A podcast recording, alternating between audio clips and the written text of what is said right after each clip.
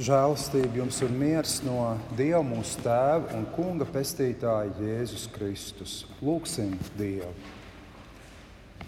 Kungs, svētais gars, tu patiesības, mīlestības un spēka gars, nāc savus draugus vidū un palīdzi mums saprast šo notikumu ar mūsu pestītāja iejāšanu Jeruzalemē palīdzi mums mācīties no, tā, no šī notikuma, ka Viņš ir devies uz Golgātas kalnu mūsu dēļ, mūsu vietā. Āmen! Apsēdīsimies! Šodien es skatos, mēs esam daudz kuplākā skaitā. Iespējams, pavasaris savu dara, un arī tas, ka šodien ir tāda savā ziņā īpaša diena palmu svētdienu.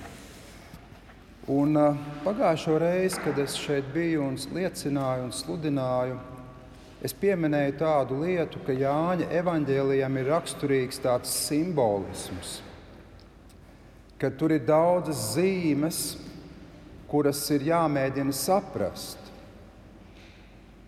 Un mēs arī, protams, mēģināsim saprast, ko tad īsti tas nozīmē, ka Jēzus uz ēzeļa sēdēdams iejāja Jeruzalemē. Bet pirms mēs to darām, tāds neliels tāds ievads vispār par zīmēm, par simboliem, jā, par šādām lietām. Mācīties saprast zīmes mums cilvēkiem ir ļoti svarīgi.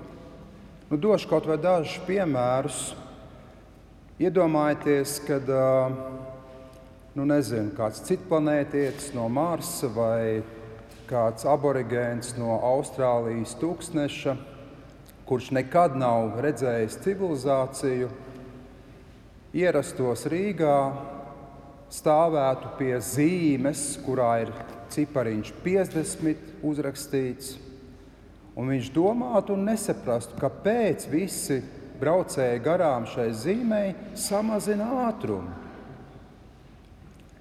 Viņš droši vien būtu neizpratnē, kas te notiek. Kas visi normāli ātri brauc, un pēkšņi aiz šīs zīmes visi brauc uz 50. Kāpēc? Mums, protams, tā liekas ļoti vienkārša un pašsaprotama lieta, jo mēs saprotam šo zīmi, un mēs zinām arī to, ka ja mēs šo zīmi nesapratīsim un turpināsim spiest gāzi grīdā, nu tad mēs zinām, ar kādām sekām ir jārēķinās. Un neko nelīdzēs ceļa policijai skaidrot un teikt, ziniet, es nesapratu šo zīmi, vai ne? Padomāsim vēl par kādām citām zīmēm, ar kurām mēs ikdienā sastopamies. Piemēram, uh, mēs esam ievērojuši īpaši ziņās, un arī Rīgā to var novērot. Tad, kad valsts vīri kaut kur brauc, dodas, ierodās, kādās mašīnās viņi brauc? Volkswagenos, golfiņos, opeļos. Diez vai, vai ne? Parasti šie lielie vīri, valstsvīri, politiķi pārvietojas, kā tautā mēdz sacīt, melnos meršos. Un, protams, ka tā ir zīme, kuru mums ir jāmāk saprast, nolasīt. Un atkal, ja mēs to nesaprotam, tad varam iedzīvoties kādās nepatikšanās. Un, protams, šajā gadījumā tā ir zīme tam, ka šie ļaudis grib pateikt, mēs esam cilvēki, kam ir vara, kam ir ietekme, kam ir nauda. Un nav jau pat jāskatās uz valsts vīriem vai politiķiem, arī ikdienā cilvēki, kas grib parādīt to, ka viņi ir kaut kas īpašs. Viņi pērk īpaši dārgas mašīnas ar melniem logiem, īpaši jaudīgas, nu, kur principā tā jauda vispār nav lietojama pa, Latviju, pa Latvijas ceļiem. Un tomēr, jo tā ir statusa lieta, tā ir zīme, kas parāda to, ka es esmu kaut kas. Un, ja jūs kādreiz šādu cilvēku uzdrošināties apdzīt, vai kaut kā viņam neveikli priekšā nostāties, To taču nedrīkst darīt. Jo tad var būt arī nepatikšanas, ja tu ignorēsi šo zīmi, ka brauc svarīgs un bagāts cilvēks. Mēs varam vēl pacelties augstākā līmenī un padomāt par tādu zīmi kā varavīksne. Un atkal ņemsim vērā to, ka varavīksne, protams, to jau var mēģināt meteorologi izskaidrot. Fizika, ķīmija un tādā veidā izskaidrot, kas ir varavīksne. Bet mēs, kā kristīgi ļaudis, zinām, ka varavīksne arī ir zīme. Tā norāda uz to un atgādina uz to, ka Dievs ir apsolījis, ka Viņš vairs nesodīs šo pasauli ar ūdens plūdiem. Tā ir zīme. Un šī zīme ir jāmāk nolasīt un jāmāk to saprast. Ne visi to var. Varētu vēl globālāk padomāt, piemēram, šī laika pandēmija. Tas jau arī nav tikai vīruss. Tas jau nav, tā jau nav tikai ķīmija, bioloģija. Tā ir zīme. Un jautājums ir par to, kā mēs nolasām šo zīmi, kas tā ir par zīmi. Mums, protams, tas nav šīs dienas sprediķa temats, bet Bet parasti mēs zinām no svētajiem rakstiem un no Izraēla tautas vēstures īpaši, mēs zinām to, ka kāri, mēri, epidēmijas, slimības tās ir dieva tiesas zīmes. Tas ne, viņas nenotiek vienkārši tāpat, tādā globālā un katastrofālā mērogā. Te ir kaut kāda dieva zīme.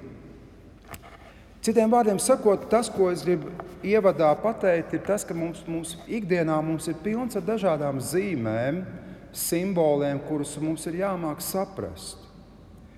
Un līdzīgi par šo ienākšanu Jeruzalemē, mēs varētu prasīt, hmm, kas tā ir par zīmi? Ko tas īsti nozīmē? Nu, nav jau tikai tā, ka uh, tur ir ēzelītis, tur ir kaut kāds cilvēks, 30 gadīgs, tur ir palmu zāre. Nu, žurnālists iespējams to tā arī aprakstītu un uzrakstītu portālā Delfa, lūk, kas tur notika. Bet tā ir zīme. Tur ir kaut kas daudz vairāk notiek visā šajā pasākumā. Un mēs lasām par pirmajiem Jēzus mācekļiem. To visu viņa mācekļi sākumā nesaprata. Viņi nesaprata. Šo zīmi viņa nesaprata sākumā. Mēģināsim mēs saprast. Mums savā ziņā ir milzīga priekšrocība salīdzinājumā ar pirmajiem mācekļiem, salīdzinājumā ar pašiem notikumu aculieciniekiem. Jo mēs jau varam tādā atpakaļskatā paskatīties, kas tur notika. Pēc tam bija Golgāta, pēc tam bija augšām celšanās. Mēs to visu jau zinām. Un mums tā ir tā milzīgā priekšrocība, kas mums palīdzēs saprast šo notikumu. Un varbūt tā viena lieta, ko mēs redzam, kas iekļauj šo notikumu, un to ir vienmēr svarīgi paturēt vērā, kad nav pat varbūt brīžiem uzreiz jāpievērš uzmanība pašam notikumam, bet jāpaskatās, kas tur notiek īsi pirms šī notikuma, pēc šī notikuma. Un ir svarīgi ieraudzīt to, ka šo notikumu iekļauj divas tēmas. Pirmkārt, Lācara augšām celšana no miroņiem. Un mēs lasām, ka tas ir arī viens no galvenajiem iemesliem, kāpēc vispār tur tie pūļi bija Jeruzalemē.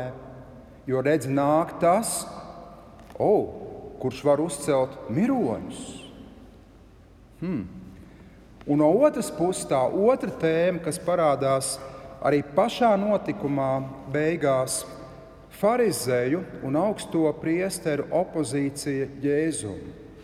Pie tam tā nav tāda kaut kāda parlamentāra opo opozīcija, kā tas ir saimā. Tur es esmu pret tevi, tu esi pret mani. Bet tā ir tāda opozīcija, kas saka, mēs nokausim tevi. Mēs tevi iznīcināsim. Tāpat kā arī Lācaru mēs iznīcināsim. Nolasīšu pavisam īsi, kas tur pirms tam notika. Tad liels pūlis jūdu uzzināja, ka viņš ir tur un nāca ne tikai Jēzus dēļ, bet arī tādēļ, lai redzētu Lācaru, ko viņš bija uzmodinājis no mirušajiem.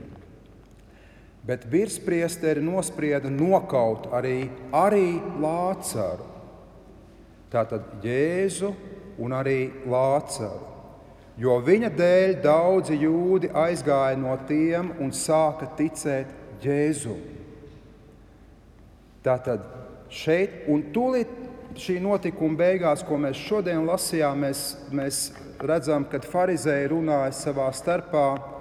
Jūs redzat, ka jūs nekā nespējat darīt. Redziet, visa pasaule iet viņam pakaļ. Un jūs jau nojaušat, ka, tas, ka šeit ir šī opozīcija. Redziet, jūs neko nevarat izdarīt. Viņus steidzīgi abus jānovāc, citiem vārdiem sakot. Tātad Lācara nāve un augšām celšana, Jēzus nokaušana jau šajā palmu saulēnajā svētdienā savelkās draudīgi melni mākoņi. Iespējams, arī šodien Ikšķelē savilksies mākoņi. Varbūt nē, bet tas nebūtu svarīgi. Bet jebkurā gadījumā šeit, šajā iejāšanas notikumā, jau savalkās šie draudīgie melnie mākoņi, un mēs, atšķirībā no pirmajiem jēzus mācekļiem, zinām, ka sekos arī augšām celšanās. Būs augšām celšanās. Tātad Lācara nāve un augšām celšana, Jēzus nāve un augšām celšanās. Un, manuprāt, tas norāda uz to, ka Šajā notikumā tiek uzsvērts īpaši tas, kad Jeruzalemē ienāca tas, kam ir vara pār nāvi. Jēzus ir dzīvības kungs, viņš ir nāves uzvarētājs. Viņš ir tāds ķēniņš, kura rokās ir nāves un dzīvības vara. Ja mēs tā mēģinām salīdzināt šo ķēniņu ar mūsu laicīgajiem ķēniņiem, kuri nespēja sakārtot pat gluži ikdienišķas lietas valstī, dažādās dzīves sfērās, tad mūsu laicīgie valdnieki izskatās pavisam vārgi, pavisam nespēcīgi. Un bieži vien viņi ir tikai uzpūtīgi, viņi rada tikai šo ārējo spēka tēlu ar saviem melnajiem meršiem, bet tas ir tikai uzpūsts balons. Salīdzinot ar mūsu pestītāju Jēzus Kristus varu pār nāvi un augšām celšanos. Līdz ar to tikai viņam var uzticēties. Ne jau laicīgiem valdniekiem, tikai uz viņu mēs varam paļauties, nevis uz vārgajiem un uzpūtīgajiem valdniekiem, kas dažkārt krīt tik zemu, ka bārā apgalvo prasa klātesošiem, vai tu nezini, kas es esmu. Bet atgriežamies atpakaļ pie mācekļiem un pavaicāsim, kad tad viņa nāca pie šī notikuma izpratnes, kurā brīdī. Un mēs arī lasām, to visu viņa mācekļi sākumā nesaprata, bet kad Jēzus bija ticis apskaidrots, Jaunais tulkojums ir labāks, ka viņš pasaka, ka Jēzus bija ticis pagodināts. Citiem vārdiem, un Jāņa evanģēlijā tas vienmēr nozīmē, atkal, ko tas nozīmē, tas vārds pagodināts. Tas nozīmē vienmēr viņa nāvi un viņa augšām celšanos. Tas, tas vārdiņš nes sevī šo nozīmi. Tātad, tad, kad Jēzus bija pagodināts, tad viņiem ienāca prātā, atkal tāds neveikls vecais tulkojums, tad viņiem attausa atmiņā, tā varētu teikt, ka tas par viņu bija rakstīts un ka tāpēc tie viņam to bija darījuši. Tātad tikai pēc Jēzus nāves un augšām celšanās, ja var tā teikt, viņiem pieleca, rīktīgi pieleca, ka Zaharija, jeb Caharija, kā agrāk teica, taču par viņu bija rakstījis, ka tāpēc viņam bija arī jāmirst. Šis Jēzus miermīlīgais žests, sēdēšana uz kumeļa, taču tajā pašā laikā viņa ķēnišķīgā sagaidīšana norāda uz to, ka te nāk dieva jērs, kas nes pasaules grēku. Te nāk jērs, kurš neatdarīs muti savu kāvēju priekšā. Te nāk jērs, kurš tiks upurēts par maniem, taviem grēkiem. Taču ar šo savu upuri, ar savu nāvi, viņš uzvar nāvi. Tāpat kā Lācara gadījumā Jēzus atklāja, ka ir dzīvības valdnieks, tā arī savā nāvē Jēzus atklāja, ka viņš ir nāves uzvarētājs. Tātad īsumā sakot, es domāju, ka šis notikums ir kā zīme, kas norāda uz to, ka Kristus ir ķēniņu ķēniņš. Viņš ir ilgi gaidītais mesija, viņš ir nāves uzvarētājs, viņš ir dzīvības kungs. Vēl tāda neliela atkāpe par pašiem palmu zariem.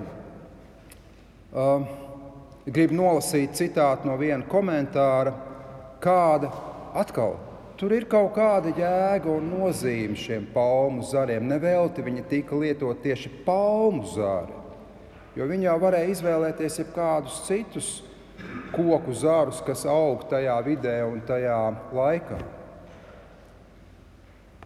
Un citāts izklausās šādi. Senajos austrumos palmu zari vispirms tika uzskatīti par dzīvības un pestīšanas simbolu. Palma šo ļaužu skatījumā bija ideāls koks ar savu majestātisko stumbru, kas garumā pārsniedza visus citus kokus, ar savu mūžzaļo lapotnes diadēmu, kas vērsta pretī saulei, ar dziļajām saknēm, kas sakņojās smiltājā. Majestātiskās palmas veidoja oāzes tūkstošainajā apkārtnē sniedzot patvērumu no dedzinošajiem saules stariem. Īsi sakot, palmas bija dzīvības aina nāves valstības vidū. Jūtat, atkal tās pašas tēmas - nāve, dzīvība, tūkstnesis, ūdens, dzīvība.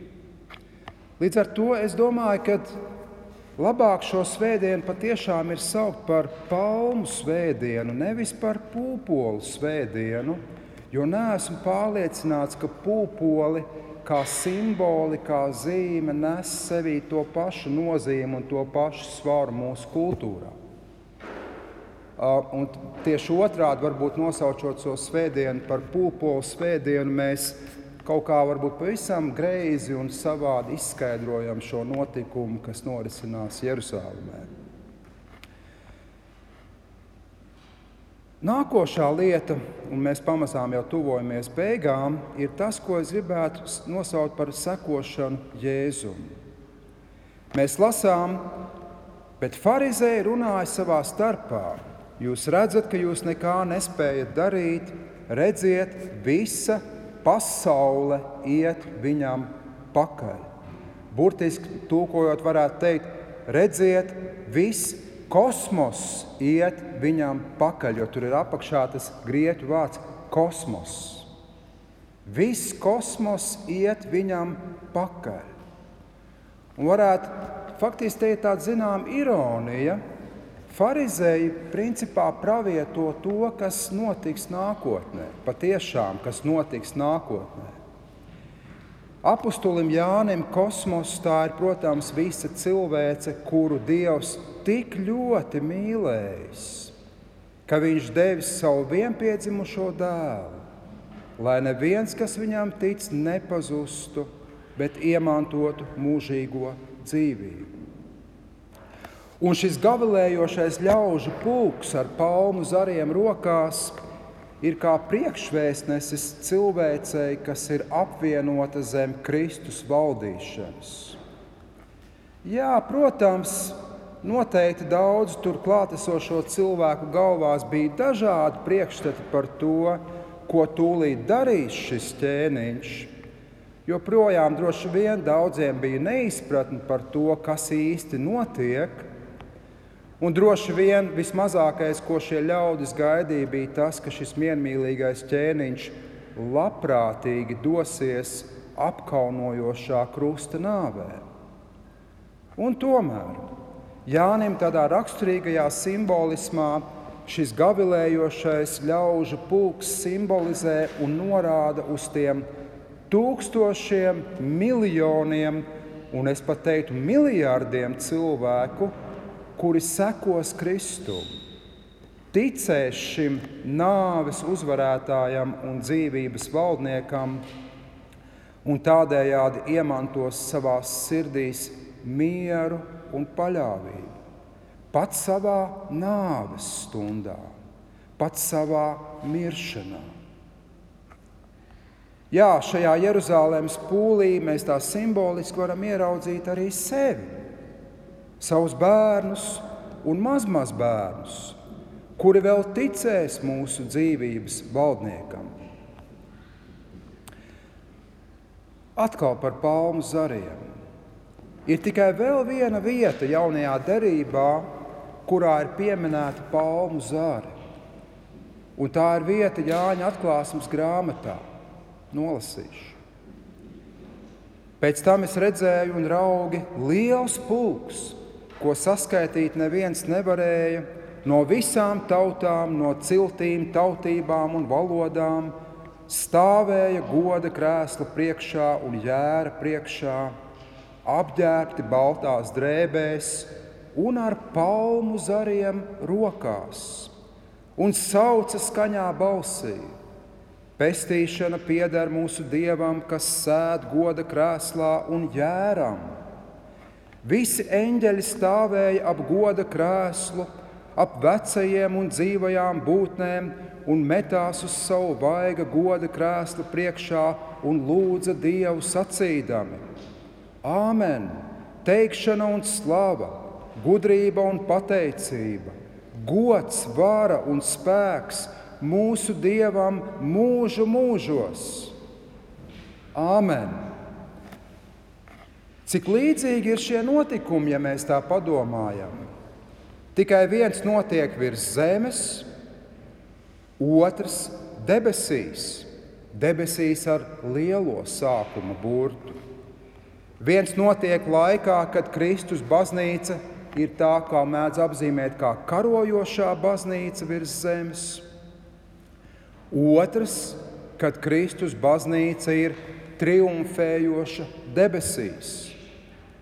Un mēs redzam, ka abos šajos notikumos ir palmu zāre, jērs sēž ķēnišķā goda krēslā, ir ši, uz, šis uzsvars uz viņa ķēnišķīgumu, varenību un spēku, un ļaužu pūļi, kas skaļā balsīs slavē un teica, visus lielos dieva pestīšanas darbus. Mēs, kristīgā draudzene, šodien, šeit un tagad, mēs esam pa vidu šiem abiem notikumiem. No vienas puses, palmu svētdienas notikums priekšvēsta un norāda uz mums, proti, ka pēc Kristus nāves un augšām celšanās Kristus sekotāju pulks augs ar vien lielāks, un arī mēs esam viņu vidū.